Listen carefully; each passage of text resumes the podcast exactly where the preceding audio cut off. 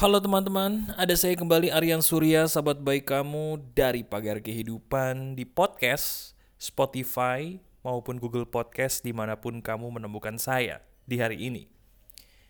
Hari ini kita nggak akan membicarakan topik spiritual dulu deh, karena saya justru sangat terpancing nih hari ini. Terpancing apa mas?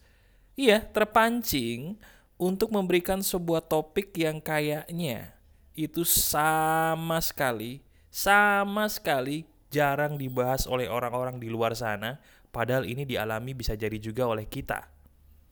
Pernah nggak kamu menjadi generasi bucin? Wah, bucin. Ini menarik nih kita bahas hari ini nih. Bucin itu singkatan dari apa sih, Mas? Bucin itu singkatan dari budak cinta. Menarik nih. Gini, Pertama, saya akan jelaskan dulu kenapa orang bisa bucin. Dan yang kedua, saya sebagai sahabat baik kamu ingin menjelaskan gimana cara memulihkan diri kamu sendiri seandainya memang kamu atau teman kamu sedang mengalami bucin. Oke? Pertama, kenapa saya bisa jadi budak cinta, Mas?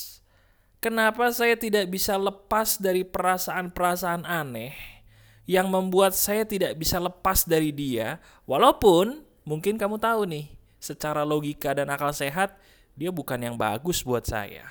Kenapa itu bisa terjadi? Jawaban sederhananya adalah insecure.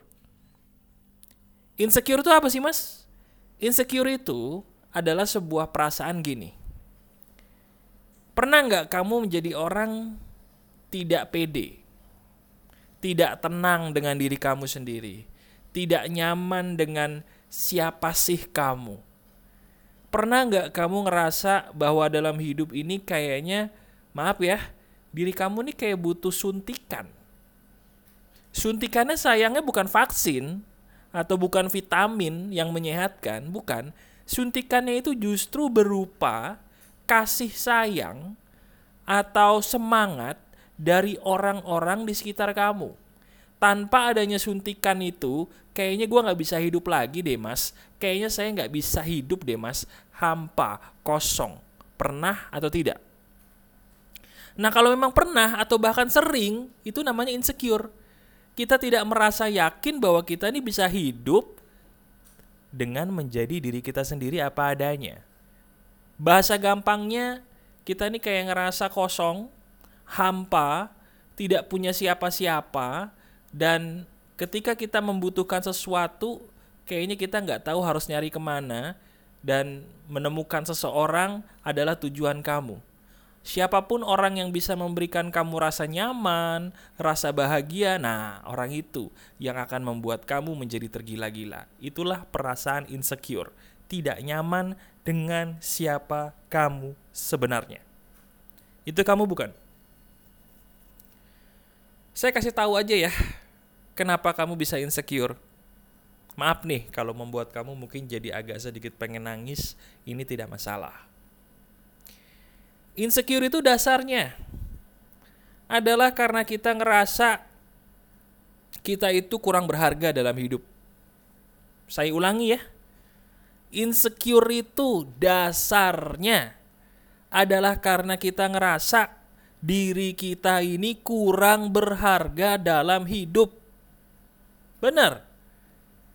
Kalau kita ngerasa nggak ada harganya atau kurang berharga dalam hidup, nah itu tuh bapaknya si insecure itu ya perasaan itu. Kalau gitu sekarang kita bedah.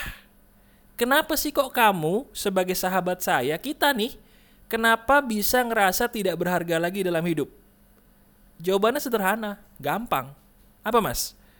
Karena nggak pernah ada orang yang membuat kita merasa berharga di sekitar kita. Betul apa tidak? Bener nggak? Sederhana banget. Iya kan? Kita tuh kayak ngerasa kita berharga gak sih? Aku ini berharga gak sih mas? Saya ini ada harganya gak sih? Berharga gak sih hidup? Kenapa saya bisa bertanya gitu? Karena kok sekitar saya, orang tua saya, kakak adik saya, orang-orang di sekitar saya deh mas, gak pernah tuh ada yang mengatakan bahwa kehadiran saya tuh berharga loh buat mereka. kehadiran saya tuh ada perannya loh buat mereka. Atau bahkan maaf nih, lebih mirisnya lagi, saya nggak pernah denger tuh mas, mereka mengatakan bahwa mereka tuh sayang loh sama saya. Jadi saya nggak ngerasa hidup saya itu berharga. Bahwa kehadiran saya nih kayaknya ada nggak sih fungsinya di tengah-tengah mereka. Bahkan, maaf banget, kadang-kadang kita ngerasa ya kehadiran kita tuh jadi masalah mungkin bagi mereka. Kehadiran kita tuh mungkin jadi hal yang hina mungkin bagi mereka sehingga kita nggak ngerasa nih bahwa saya tuh berharga loh dalam hidup bahwa saya tuh ada suatu hal yang penting loh bagi mereka bagi orang-orang di sekitar saya dalam hidup. Itulah yang disebut cikal bakal atau peran yang membuat kita ngerasa insecure tadi. Kita ngerasa tidak berharga karena tidak pernah ada atau mungkin sudah lama banget nggak ada orang yang mengatakan bahwa kita ini ada loh perannya buat dia atau mereka. Itu kita bukan. Itu kamu bukan tuh. Dari apa yang saya tebak tadi, apakah itu kamu? Kalau itu betul-betul ada, adalah kamu, wajar dong kamu jadi bucin, wajar dong kamu jadi budak cinta. Kenapa? Ya karena diri kamu sendiri sebenarnya insecure. Kenapa bisa insecure? Karena apa yang saya tebak tadi itu rata-rata kamu banget. Bener apa tidak? Sekarang coba lihat mata kamu. Kalau mata kamu tiba-tiba pengen nangis, pengen mengeluarkan air mata, maaf. Maaf banget, saya ini harus berkali-kali nih ngomong maaf terus. Kenapa? Karena apa yang saya katakan ini sebenarnya sedang kamu alami. Tapi sayangnya nggak ada yang nolong, nggak ada yang ngerti. Bisa jadi cuman saya nih sebagai teman kamu, sahabat virtual kamu mungkin yang pertama kali mengerti kamu. Benar apa tidak? Nah sekarang, Mas, kalau saya betul-betul sudah tahu nih biangnya, biang keroknya kenapa saya bisa jadi bucin ternyata tuh insecure Bahkan Mas Aryan sudah menjelaskan dengan jelas banget kenapa saya bisa insecure. Terus cara nyembuhinnya gimana mas? Saya udah bosan banget dengerin petuah-petuah bijak di luar sana yang gak ada man manfaatnya bagi saya, yang gak berguna menyembuhkan saya. Saya pengen sembuh mas. Saya gak mau jadi budak cinta lagi tuh gimana mas solusinya? Gini, yang pertama, kamu harus tahu ya bahwa saya sebagai sahabat kamu yang kamu dengarkan suaranya ini dulu sekitar tahun 2009 udah lama ya saya pernah loh jadi bucin sama seperti kamu. Bener kita berarti sama nih. Kok bisa mas? Ya bisa. Bisa karena saya pun pernah mengalami sebuah hal di titik yang kamu alami tadi. Ngerasa nggak ada orang yang mengatakan saya berharga loh Betul. Terus gimana mas? Kok mas Aryan bisa ada di titik sekarang? Bisa sesukses sekarang? Itu gimana caranya mas? Caranya mudah. Pertama,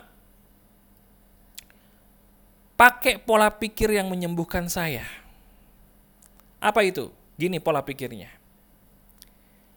Kebahagiaan yang kita cari itu bukan dari orang lain kalau selama ini kita berpikir kebahagiaan yang kita cari ada pada orang lain, itu cuman halu atau halusinasi belaka. Saya ulangi, pakai pola pikir ini ya, ini bener nih. Kalau selama ini kita pengen bahagia, kebahagiaan itu tidak akan pernah ada. Ingat ya, tidak akan pernah ada pada orang lain. Kalau kita berpikir letak kebahagiaan kita itu ada di orang lain, itu hanyalah halu atau halusinasi belaka. Titik. Sampai situ dulu. Sekarang kita buktiin nih. Bener nggak perkataan saya? Coba selama ini lihat hidup kamu deh. Berkali-kali berusaha mencari kebahagiaan pada orang lain. Berkali-kali loh, saya tahu. Tapi emang ada? Ada pada orang lain kebahagiaan yang kamu cari. Ada nggak? Nyari kebahagiaan ke temen. Ada di situ. Nggak ada. Teman saya ada yang baik, ada yang enggak. Ada yang mukanya dua, mukanya tiga, mukanya satu, mukanya lima. Aduh mas, ada yang tiba-tiba baik depan muka saya ngomongin saya di belakang. Oh, capek, capek mas. Ada perempuan atau laki-laki yang saya sudah capek-capek cintai mas. Aduh, tiba-tiba dia nyelingkuhin saya. Atau tiba-tiba dia main tangan sama saya. Katanya cinta tapi mukulin saya. Katanya cinta tapi bohongin saya. Selingkuhin saya. Apa itu mas? Lah itu itu bukti bahwa kita nih selama ini halu. Apa itu halu? Fata morgana, halusinasi. Kita selama ini mabok, berpikir bahwa selama ini kebahagiaan kita ada pada mereka loh, ada pada dia, padahal kurang bukti apa lagi sih kalau itu halu? Kurang bukti apa lagi sih bahwa itu salah? Kurang bukti apa coba? Lihat hidup kamu sendiri sekarang. Lihat Benar perkataan saya kan? Nah kalau gitu, sekarang kita bangun. Halo, bangun. Ayo bangun. Buka mata kita lebar-lebar. Ngapain aja selama ini kita sih? Kenapa selama ini kita tuh selalu nyari kebahagiaan yang sebenarnya nggak jauh kok letaknya? Di mana mas kebahagiaan sejati kita? Nih, Kebahagiaan sejati kamu tuh ada di dalam dada kamu. Apa pun yang membuat dalam dada kamu itu bahagia, lakukanlah. Dan itu tidak ada kaitannya dengan orang lain loh. Karena kebahagiaan kita itu terletak pada diri kita sendiri.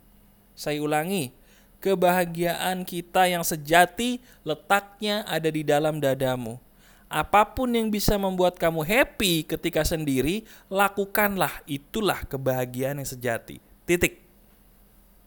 Benar nggak? Betul kan? Ini loh salahnya. Selama ini kita nyari kebahagiaan di luar, padahal itu semua halusinasi, nggak abadi.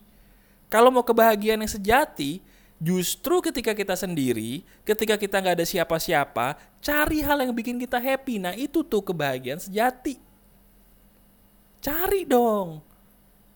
Cari. Saya nggak nyuruh kamu langsung nemuin, enggak. Cari pelan-pelan deh. Masing-masing orang tuh beda soalnya. Contoh, ada teman saya yang dia tuh happy ketika sendiri kalau lagi main game ya udah main game. Tapi nggak semua teman saya gamer. Ada teman saya satu lagi, dia happy kalau lagi sendiri dia nyanyi-nyanyi sendiri tuh karaokean pakai YouTube. Ya udah nyanyi. Kenapa sih repot banget? Ada juga orang yang mungkin ketika sendiri happy kalau dia sekedar baca buku aja. Baca tuh buku. Pokoknya pola pikir barunya gini. Kalau saya mau bahagia yang benar, saya harus bisa bikin diri saya bahagia dulu ketika saya sendiri, bukan ketika sama orang lain. Tuh. Pegang ucapan saya. Ini yang paling benar. Kamu harus mencari kebahagiaan versi kamu sendiri ketika kamu sendiri. Saya ulangi, dirimu harus mencari kebahagiaan versi kamu sendiri ketika kamu sendirian. Cari. Itu loh yang menyelamatkan saya. Kalau Mas Aryan apa Mas? Yang dulu Mas Aryan lakukan ketika sendiri sampai bikin happy.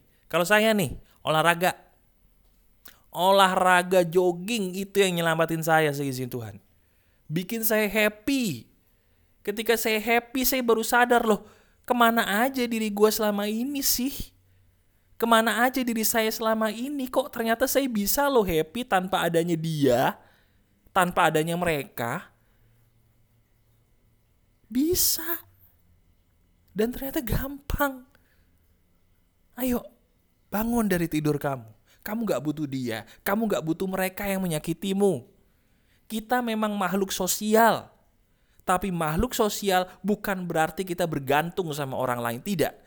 Pengertian makhluk sosial yang benar adalah kita harus bermanfaat bagi orang lain, bukan bergantung sama orang lain sepenuhnya. Itu harus dikoreksi. Kamu pengen bahagia gak? Kalau pengen bahagia, sekarang juga pakai pola pikir yang saya ajarkan ini lihat perubahan yang terjadi dalam hidup kamu. Oke? Pakai. Nah sekarang gini, kamu ngerasa nggak podcast ini bermanfaat? Kalau emang kamu ngerasa, saya minta tolong satu aja. Apa mas? Kapan pun kamu mendengarkan suara saya dan di mana pun kamu mendengarkan suara saya ini, tolong kamu buat instastory. Buat instastory sambil kamu mendengarkan suara saya ini dan kamu mention saya di instastory tersebut sambil kamu mendengarkan suara saya ini. Misal, kamu dengerin saya sambil ngeliat langit. Ya udah, kamu buat instastory kamu sorot langit yang kamu sedang lihat sambil mendengarkan suara saya.